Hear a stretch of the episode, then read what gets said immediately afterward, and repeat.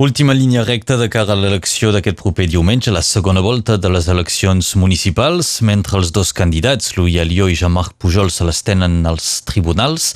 Doncs eh, a nosaltres el que ens interessa són les urnes, perquè diumenge un dels dos serà Batlle de Perpinyà.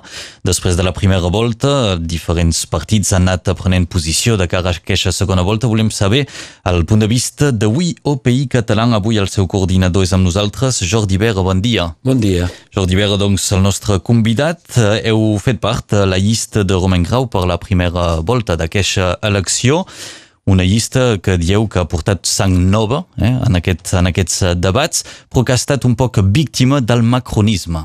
Bé, és una realitat. Eh, eh, la, la gent ha votat, eh, bon, jo no critico el que l'ha votat la gent en absolut, bé, el que és segur és que la situació no era normal, eh, aquesta elecció s'hauria tingut que anul·lar, es va fer sota un ambient estranyíssim. Mm, jo ho vaig poder constatar personalment eh, en el meu sector eh, i, i no em queixo perquè en el meu sector van fer 48% de vots, eh? vull dir, no era, no era poca cosa, però hi havia una, una, un ambient eh, fatal i que molta gent que hauria tingut que venir a votar no va venir a votar, això està claríssim, eh, i això ens va perjudicar a molts llocs perquè eh, teníem una, un suport de, de poblacions de Perpinyà que, que han sigut marginalitzades tots aquests temps i que estaven engatjades en la nostra campanya d'una manera molt forta i que efectivament aquesta, el, que el dissabte a la nit eh, es tanquessin els restaurants, els bars eh, a mitjanit va provocar un, un pànic espectacular bo, i això ens va portar prejudici. Però bé, eh, eh, el que volia dir és que aquesta elecció tingut, hauria tingut que ser anul·lada en aquell moment i, i no va ser així, i tot el que ha passat després és una cosa eh, prou anormal. Ha estat un cop dur aquest resultat per Romain Grau. Tenim poques notícies seues després de la primera volta. Com està? No, està bé. Va ser malalt també, eh? cal sí. dir que va ser força malalt, com altres persones de la llista. Del coronavirus. Sí, del coronavirus i uns quants, eh? vull dir, alguns en una situació molt greu i molt molt preocupant, van ser molts d'ells, alguns d'ells en di bastants dies en reanimació. Bo, gràcies a Déu a, tots s'han sortit bé. I, bueno, eh, si es compara, jo, jo comparo allò que és comparable.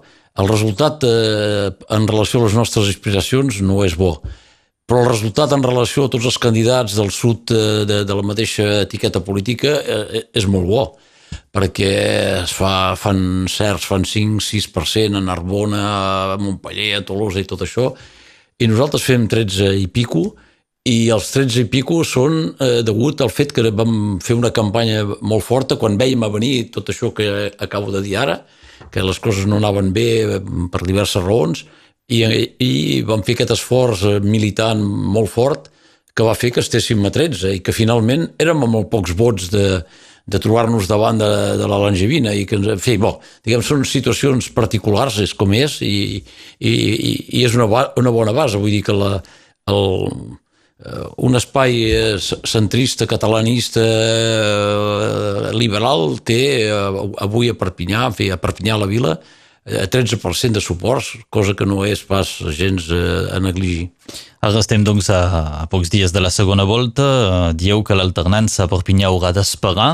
Um, quina és la posició de la llista o de WIOPI català sobre aquesta votació de diumenge? Jo, jo vaig eh, signar un manifest, suposo que fa referència a això, eh, després de que reuníssim el nostre voreu i que prenguéssim la decisió eh, aquesta, que és que eh, nosaltres no tenim cap consigna de vot a donar, sinó és només que nosaltres som un partit democràtic i això ho, ho manifestem.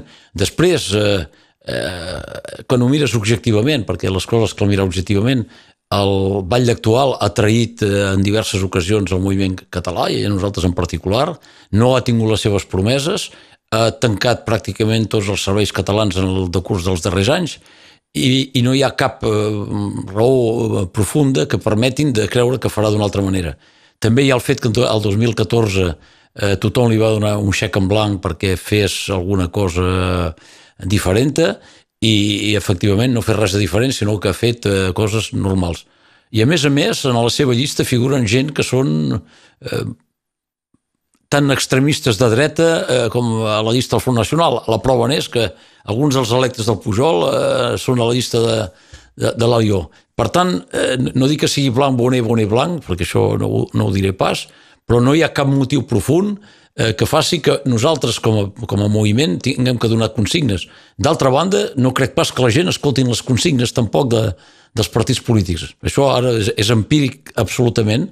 Eh, jo sóc algú que viu a Perpinyà, que és el carrer que discuteix amb la gent, sento el que diuen els meus veïns i, i estic segur que els digués eh, heu de fer això, no, no ho farien de totes maneres. Per tant, eh, i és el que és normal, era el Pujol i, eh, en concretament a convèncer la gent que havia canviat, eh, cosa molt discutible, eh, i que eh, aquesta gent eh, farien bé de li fer confiança aquesta vegada.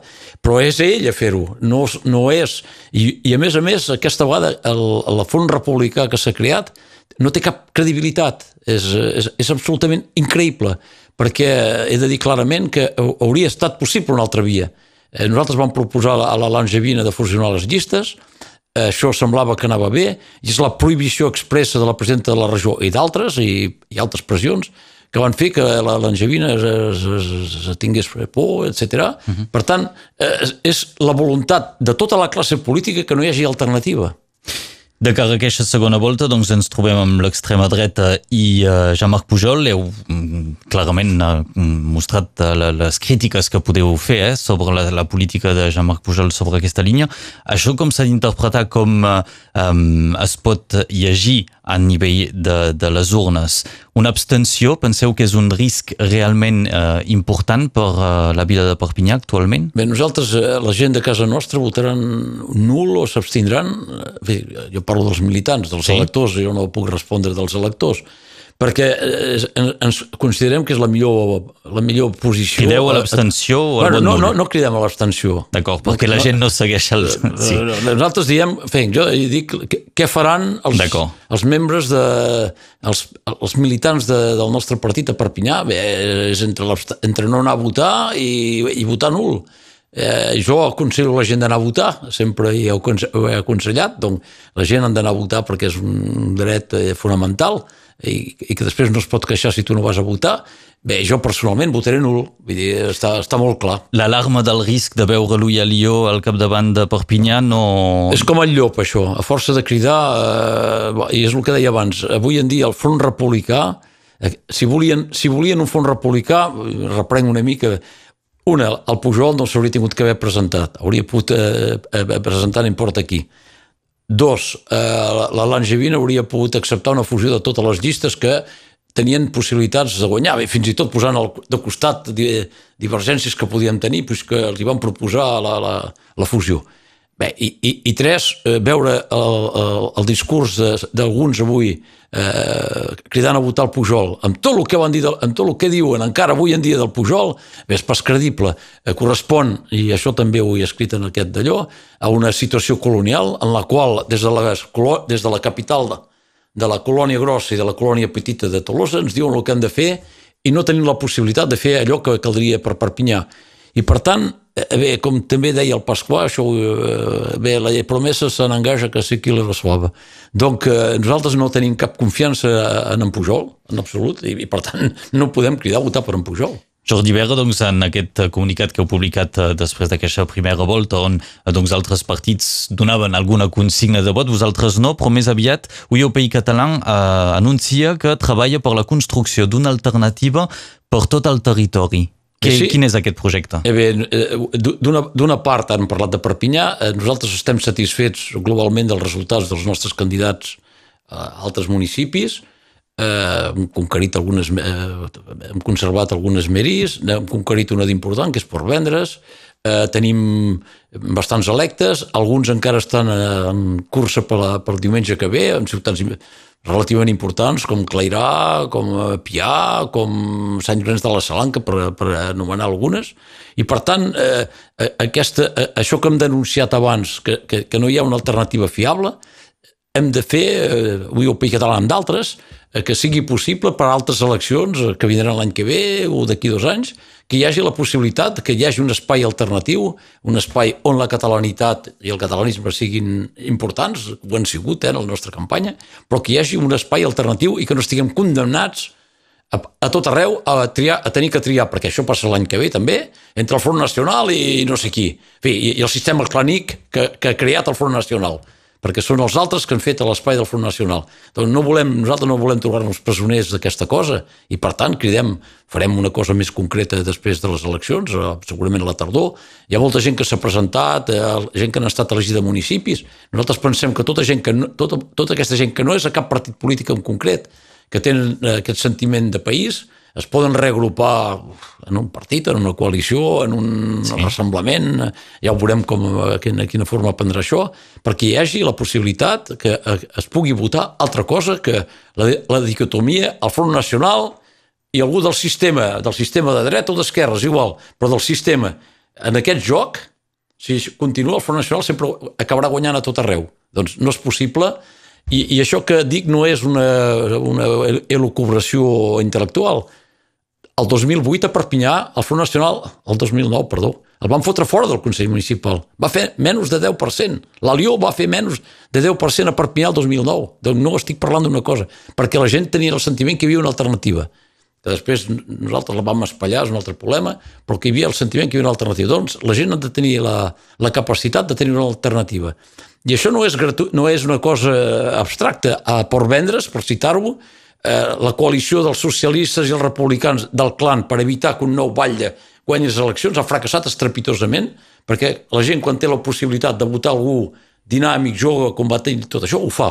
I, i, i, i, el, i la nostra missió és facilitar aquest treball. Amb altres, segur, però fer-ho. Serà doncs en aquesta línia que treballarà el UIOPI català i esteu treballant, ens doneu cita doncs a la tardor per sí, més detalls. Eh? Exactament. Prenem cita doncs amb UIOPI català per aquest moment. Volíem saber quina era la posició del partit a pocs dies de la segona volta de l'elecció municipal a Perpinyà. Jordi Vera, moltes gràcies. Bon dia.